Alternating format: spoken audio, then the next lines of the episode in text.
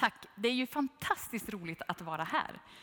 Eh, även om det är några år sedan som vi bodde här så är det väldigt mycket hemma. Och som vår äldsta son fortfarande säger, ska du till Ryttis? Det är ju min församling. Eh, men faktiskt är det att han är nu medlem i en annan församling sedan han eh, döpte sig i somras. Så vi är väldigt glada för det. Jag har blivit ombedd om att tala om att, att inleda det här temat och jag har valt att sätta en rubrik för den här predikan om att mission handlar om att se. Mission handlar om att se. Och jag tänkte att vi skulle inleda dagens predikan med en bild som jag har. Eller som min vän Magnus har gjort åt mig. Här kanske inte alla känner igen, men det här är en slags Lattjo låda är det någon som har något barndomsminne av en Lattjo låda Ja, men titta här. Längst till vänster så har vi Brasse Brandström som inte lever längre. Men sen har vi då hans, den här hyllan där han vid hans levande tid, men inte nu, men vid hans levande tid, så i, i barnprogrammet Fem myror är fler än fyra elefanter. Jag måste tänka när jag säger det. Då hade ju han en Lattjo låda var utifrån han tog upp skyltar med djur och ställde upp fyra stycken. Och så var det en slags jingel och så skulle då man gissa vilket av dessa djur ska bort. Min variant på den här Lattjo lådan är inte att ett djur ska bort, för det är inga djur här, eh, utan vad är det som för de här personerna och rörelse tillsammans? Vad är, det, vad är den gemensamma nämnaren mellan dessa? Vi ser ju eh, Magnus och Maria Alfons som sitter här inne. Vi har en skylt med metoo. Och så har vi Martin Luther King som också hör hemma i medborgarrättsrörelsen. Och vi har Moder Teresa. Är det någon som vågar sig på en chansning?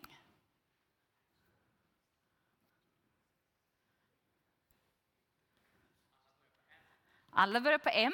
Det skulle absolut en mycket riktig observation. Och det, får, det för de ju samman, men det skulle vara lite för enkelt.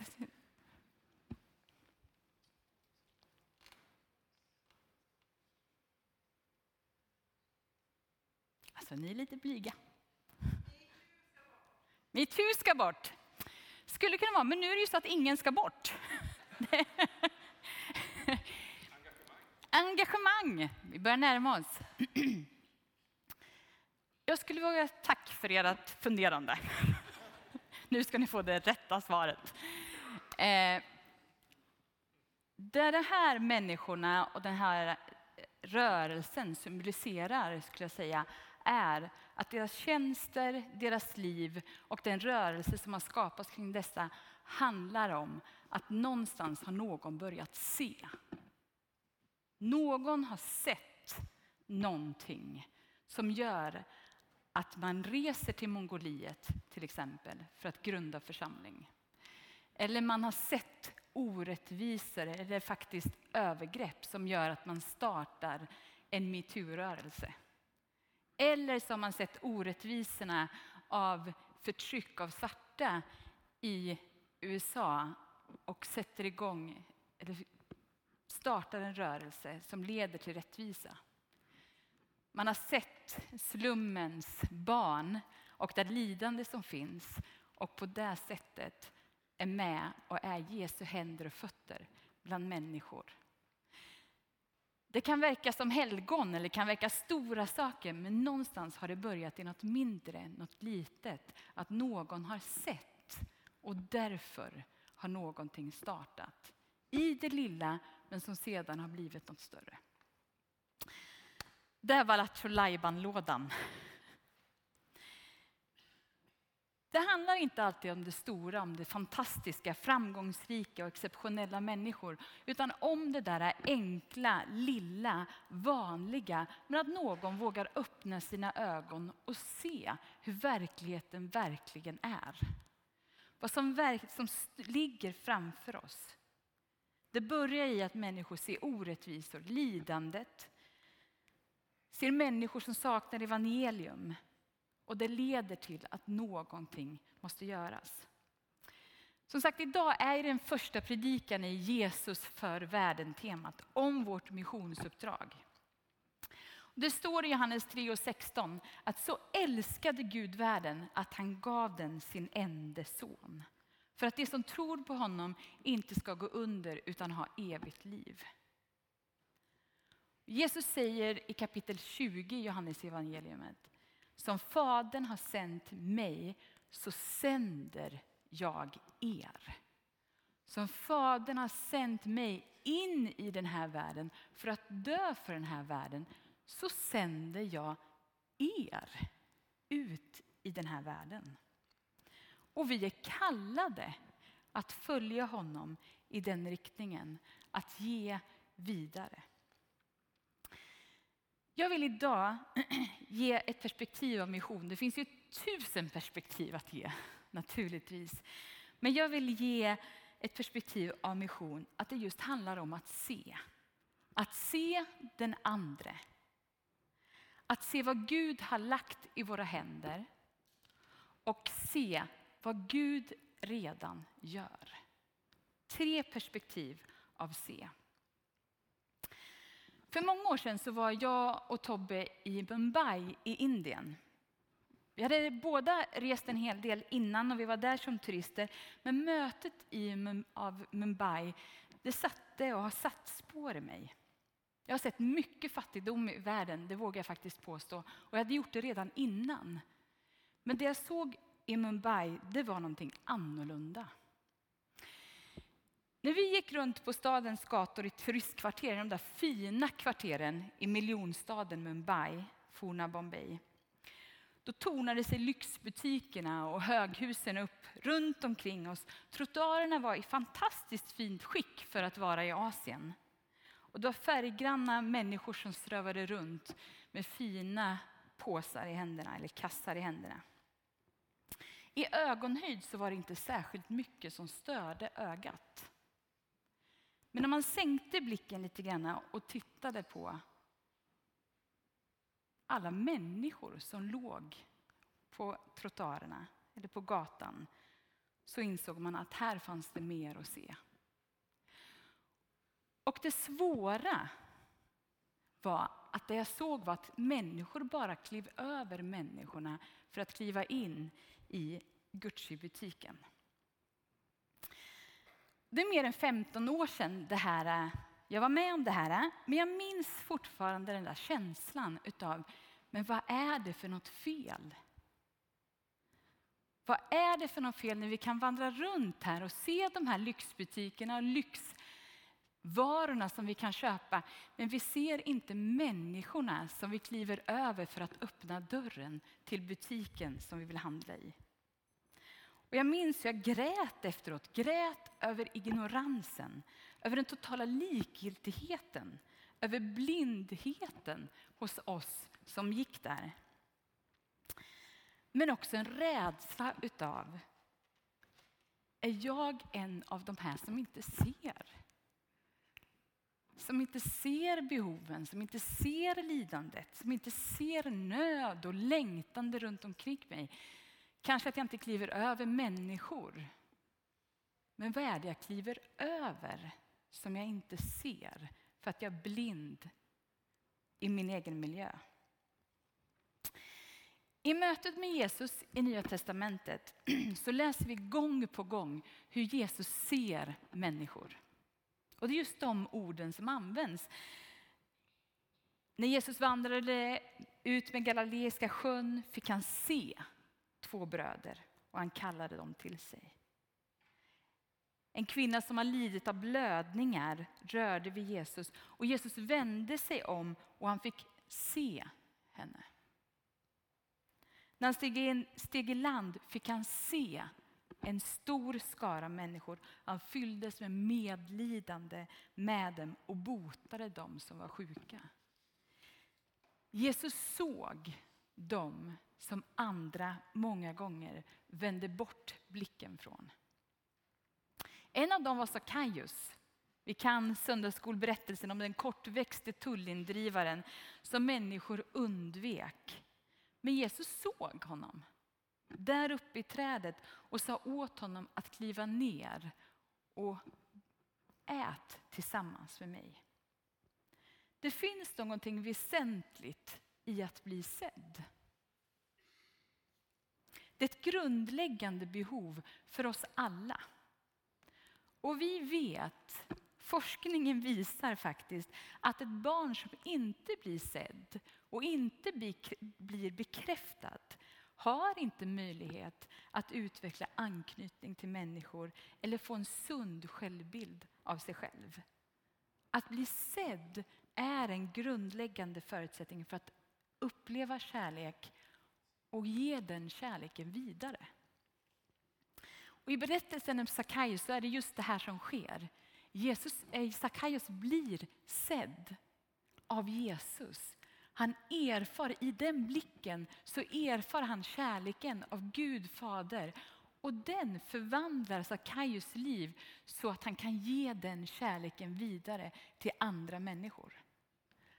Att bli sedd leder till att vi också ser den andre. Jesus är startpunkten för vår mission. Det är honom vi tar rygg på. Det är honom vi lär oss att se ifrån. Ibland så är det svårt att se.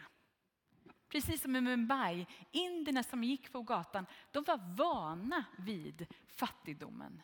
De förklarar den genom att säga att ja, men det är ett kastsystem. Vissa är födda så här. Det har inte med mig att göra. De såg inte att de, vad de klev över. Frågan är vad är det som vi inte ser? Vad är vi är födda in i och som vi har blivit förblindade av som gör att vi inte ser behoven, rädslor, längtan, orättvisor. Vad är det vi inte ser? Det är också så att vi lever i en tid där vi ges rätten att välja att se ibland. Vi ges rätten att få vända bort huvudet från det som är obekvämt. Det skjuts bort i förorterna eller avfallsstationerna så vi slipper möta det där svåra. Men Jesus har gått före oss. Han vill att vi ska se. Han var varken blind eller blundade för dem som behöver bli sedda. För utanförskapet, för lidandet och så vidare. Han varken blundade fysiskt eller andligt. Utan han såg verkligheten för, som, för vad den var. Mission handlar så mycket om att se. Se med Guds nådefulla och kärleksfulla ögon. I Chiang Mai där vi bor så arbetar vi tillsammans med en, en liten organisation som jobbar bland pojkar i prostitution. En gång när jag satt med grundaren för den här organisationen så berättade hon hur allting började. Hon var på semester i Chiang Mai hon var ute i de här turistkvarteren och går med sin vän och så plötsligt så ser hon en liten pojke sitta på en barstol vid baren. Pojken var inte mer än tio år gammal. Och hon, hon kunde liksom inte riktigt gå vidare. Utan hon, hon sa, nej, jag var tvungen att gå fram till pojken och fråga vad han gjorde där. Och i det här samtalet så förstod hon snart att han var ju där för att sälja sig själv. Eh, hon förstod snart att han var inte en ensam pojke. Utan helt plötsligt gick det upp för henne att den där pojken som jag såg där, han var ju också på den här baren av, till, av, av den anledningen. Och där var en till pojke och där var en till och där var en ung man och där var den. Plötsligt så sa han jag hade varit totalt blind för den orättvisan, för det utanförskapet och utsattheten. Men när jag väl fick syn på det så kunde jag inte längre blunda utan var tvungen att göra någonting. De var överallt, men ingen vill egentligen se dem. Det var så hon sa. Mission börjar med att vi har blivit sedda av Gud själv. Och han är den också som kallar oss att se. Se världen för vad den är och göra någonting åt det. Vad är det Gud har kallat dig att se? Vilka personer, människor, orättvisor? Vad är det du inte ska blunda för eller kliva över? Som Gud kallar dig till. Att se är också att se vad Gud har lagt i våra händer. För när vi pratar om det här och vi ser bilderna på de här figurerna, människorna som jag visade innan, så kan det upplevas, jag kan inte göra någonting.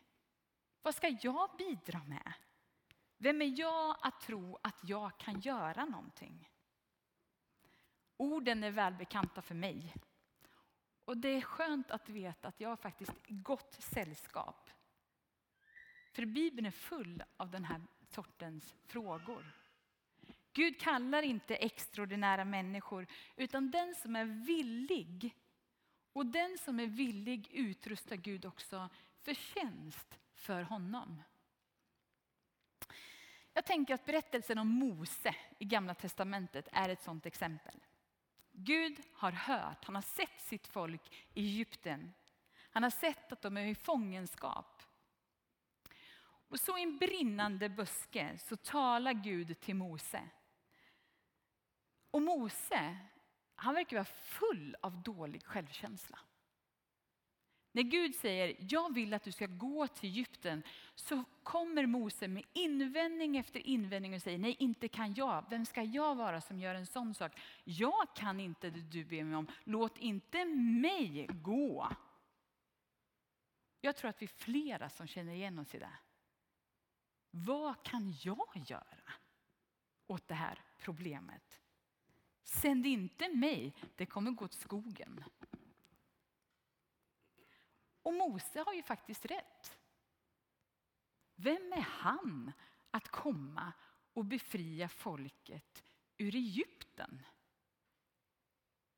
Men saken är ju att det är ju inte Mose som ska göra det. Det är inte Mose som befriar folket från Egypten, utan det är Gud genom Mose. Gud säger till Mose, vad har du i dina händer? Och jag anar att Mose tittar, ja men jag har ingenting. Jo men titta igen. Du har en stav. Släng den på marken, säger Gud till Mose. Och det blir en orm. Härlig historia, eller hur? Men vad är det som visas i den där staven, i den där ormen? Jo, det är att det är Gud som är mäktig. Det är Gud som har kraft. En stav kan ju inte slå människor ut ur Egypten. En stav kan inte få farao att släppa hela sitt gäng slavar som bygger landet. Men Gud, genom Mose, kan få det att ske. Så vad har du i dina händer? Gud använder de vi är våra personligheter, våra gåvor, våra tillgångar, den platsen som vi befinner oss på. Gud använder det. Och genom sin kraft så kan han göra stora saker. För några år sedan så mötte jag en man som heter Sanjay.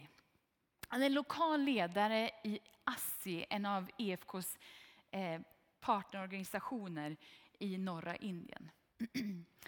Och han berättade att han, eller en dag så hörde en familj av sig till honom. Och de eh, sa, kan du komma över till vår by? För vi, eh, min fru är sjuk, så vi vill gärna att du kommer och ber eh, tillsammans med oss för den här frun. Och Sanjay, han reste dit, han tog sin cykel, han reste dit och de bad tillsammans och de lovsjöng en, en stund. Och så lät så, så var han på väg därifrån. Men innan han skulle åka så sa familjen, snälla tack för att du kom hit. Vi vill gärna skicka med dig en påse ris och lite mat. Och Sanjay som inte heller är någon rik och välbärgad man sa ja, men tack så jättemycket, det här hjälper mig. Så han tog det här riset, la det på cykeln och skulle resa eller cykla hem. Men på vägen hem så fick han syn. Han såg två män sitta vid dikeskanten och fiska. Och han hoppade av cykeln och så började han prata med dem. Varför sitter ni här och fiskar? Och så sa de att ja, men vi har ingen mat hemma. Så vi sitter här och försöker hoppas på att vi kan få någon fisk. Och när Sandja såg männen och såg deras enkla kläder så tänkte han att de är mer hungriga än vad jag och min familj är. Så varsågod, ta min mat. Ta mitt ris och det här jag har fått. Och de blev otroligt glada och tackade honom för den här gåvan och sa, men kom med oss hem till vår by och hälsa på våra familjer. Så han gjorde en avstickare och följde med och de lärde känna varandra. Och vid tillf upprepade tillfällen så började Sanji besöka den här byn och träffa de här. Och efter några återkommande besök så fick Sandja berätta om Jesus för de här männen. Och de gav sitt liv till Jesus. Efter flera månader så kom Sandja tillbaka. Och det han mötte då var en församling med över 60 familjer som hade kommit till tro. Det här kan ju låta extraordinärt, eller hur? 60 familjer som kommer till tro bara så där. Fast det började med att Sandja såg männen. Och vad hade han i sina händer? Det kom till användning. Det var inte för att det var stora saker, utan för att Gud använde det för att göra någonting. Vad har Gud lagt i dina händer? Vad är dina gåvor, intressen, längtan? Vad har Gud lagt i dina händer för att välsigna människor? Den tredje punkten handlar om att se vad Gud redan gör. När jag och Tobias för många år sedan flyttade, många år sedan låter det som vi är jättegamla, det börjar ju bli också. När, jag Tobias, när vi flyttade till Linköping och Tobbe började jobba här, då kom vi, hamnade vi först på Pionjärgatan i Berga. I en trappuppgång som luktade vitlök dygnet runt och där grannfrun ofta knackade på med dekorerade muffins. Det var en fantastisk tid, vill jag säga. Vi älskade att bo där. Vi bodde där med just den önskan att få lära känna människor och bygga relationer. Och det var inte alltid enkelt. Många av oss, jag pratade inte samma språk som vår granne. Och det fanns just de här kulturella gränserna och, som tvingades att överbryggas. Precis det som jag lever i idag. Men det var som att Gud hade förberett den där platsen för oss. Det var som att dörrar bara öppnade sig.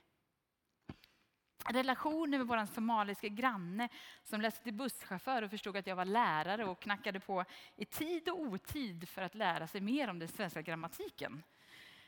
Det var kul många gånger, men inte alltid halv elva på kvällen. Eller det iranska paret som jag lärde känna på bussen till Rimforsa och som visade sig bo bara granne med oss i samma trappuppgång.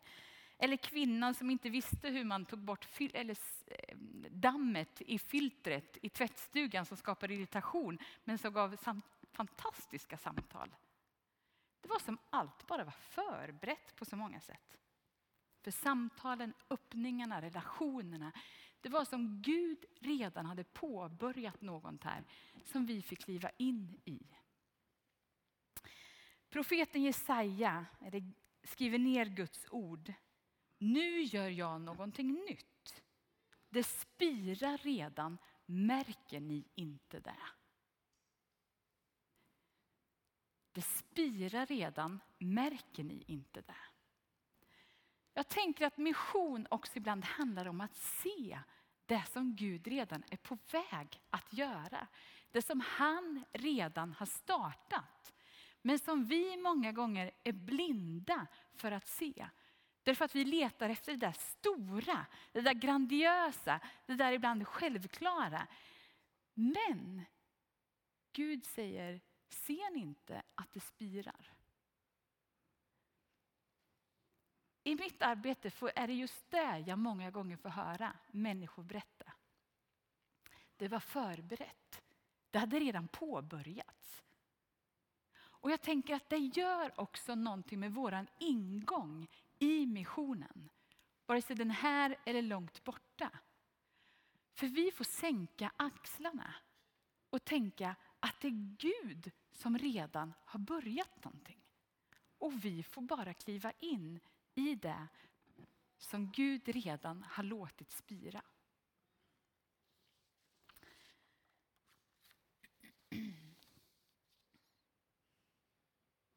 För att runda av det här. Vad är det som Gud har påbörjat? Vad är det du urskiljer i ditt liv och i din omgivning? Det Gud har redan börjat. Vad är det som gror runt omkring dig som du behöver se? Mission handlar om att se. Det börjar i att vi blir sedda, men det fortsätter med att vi ser andra. Vi ser världen och verkligheten för vad den faktiskt är. Mission handlar om att se vad Gud har lagt i våra händer. Och vad Gud kan göra genom det. Och mission handlar om att se det som Gud redan har börjat göra.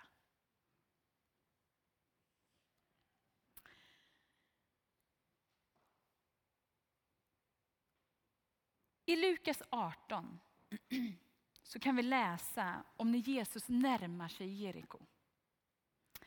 Där satt en blind man vid vägkanten och tiggde.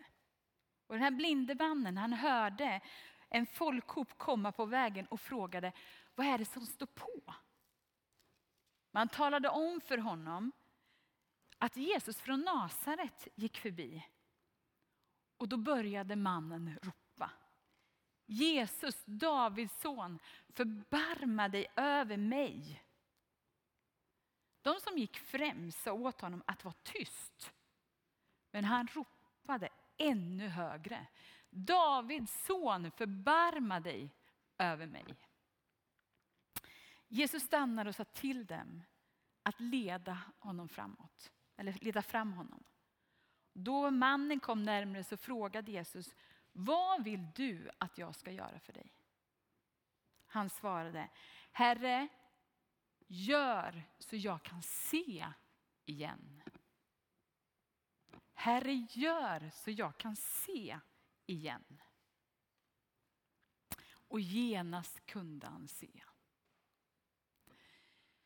Vi ska avsluta, kanske inte gudstjänst, men predikan ska få landa in just i den bönen och i det bönesvaret. Jag skulle vilja inbjuda dig och oss alla till Jesus Kristus som vill se dig. Som vill se dig och bekräfta dig. Men också som kan hjälpa dig att se. Och inte bara dig utan oss alla att se. Se vem som är framför dig, vem som du inte ska kliva över. Se vad du har i dina händer och se vad Gud har börjat gro runt omkring dig. Vi ska tillsammans få gå in och be den bönen. Jag vill inbjuda dig både till förbönen, till Globen att få be för världen, till platsen där vi kan be för staden. För de människorna som du ser och längtar efter ska få ta emot Jesus. Du kan få tända ett ljus som en symbol för en bön som kanske inte kan uttalas. Och du kan få böja knä inför vår Herre Jesus Kristus. Men jag ber dig, ställ dig de här frågorna själv. Vad är det jag är blind för? Vad är det jag behöver se? Vem är det jag ska se? Vad är det jag har? Och vad är det som gror? Nu ber vi.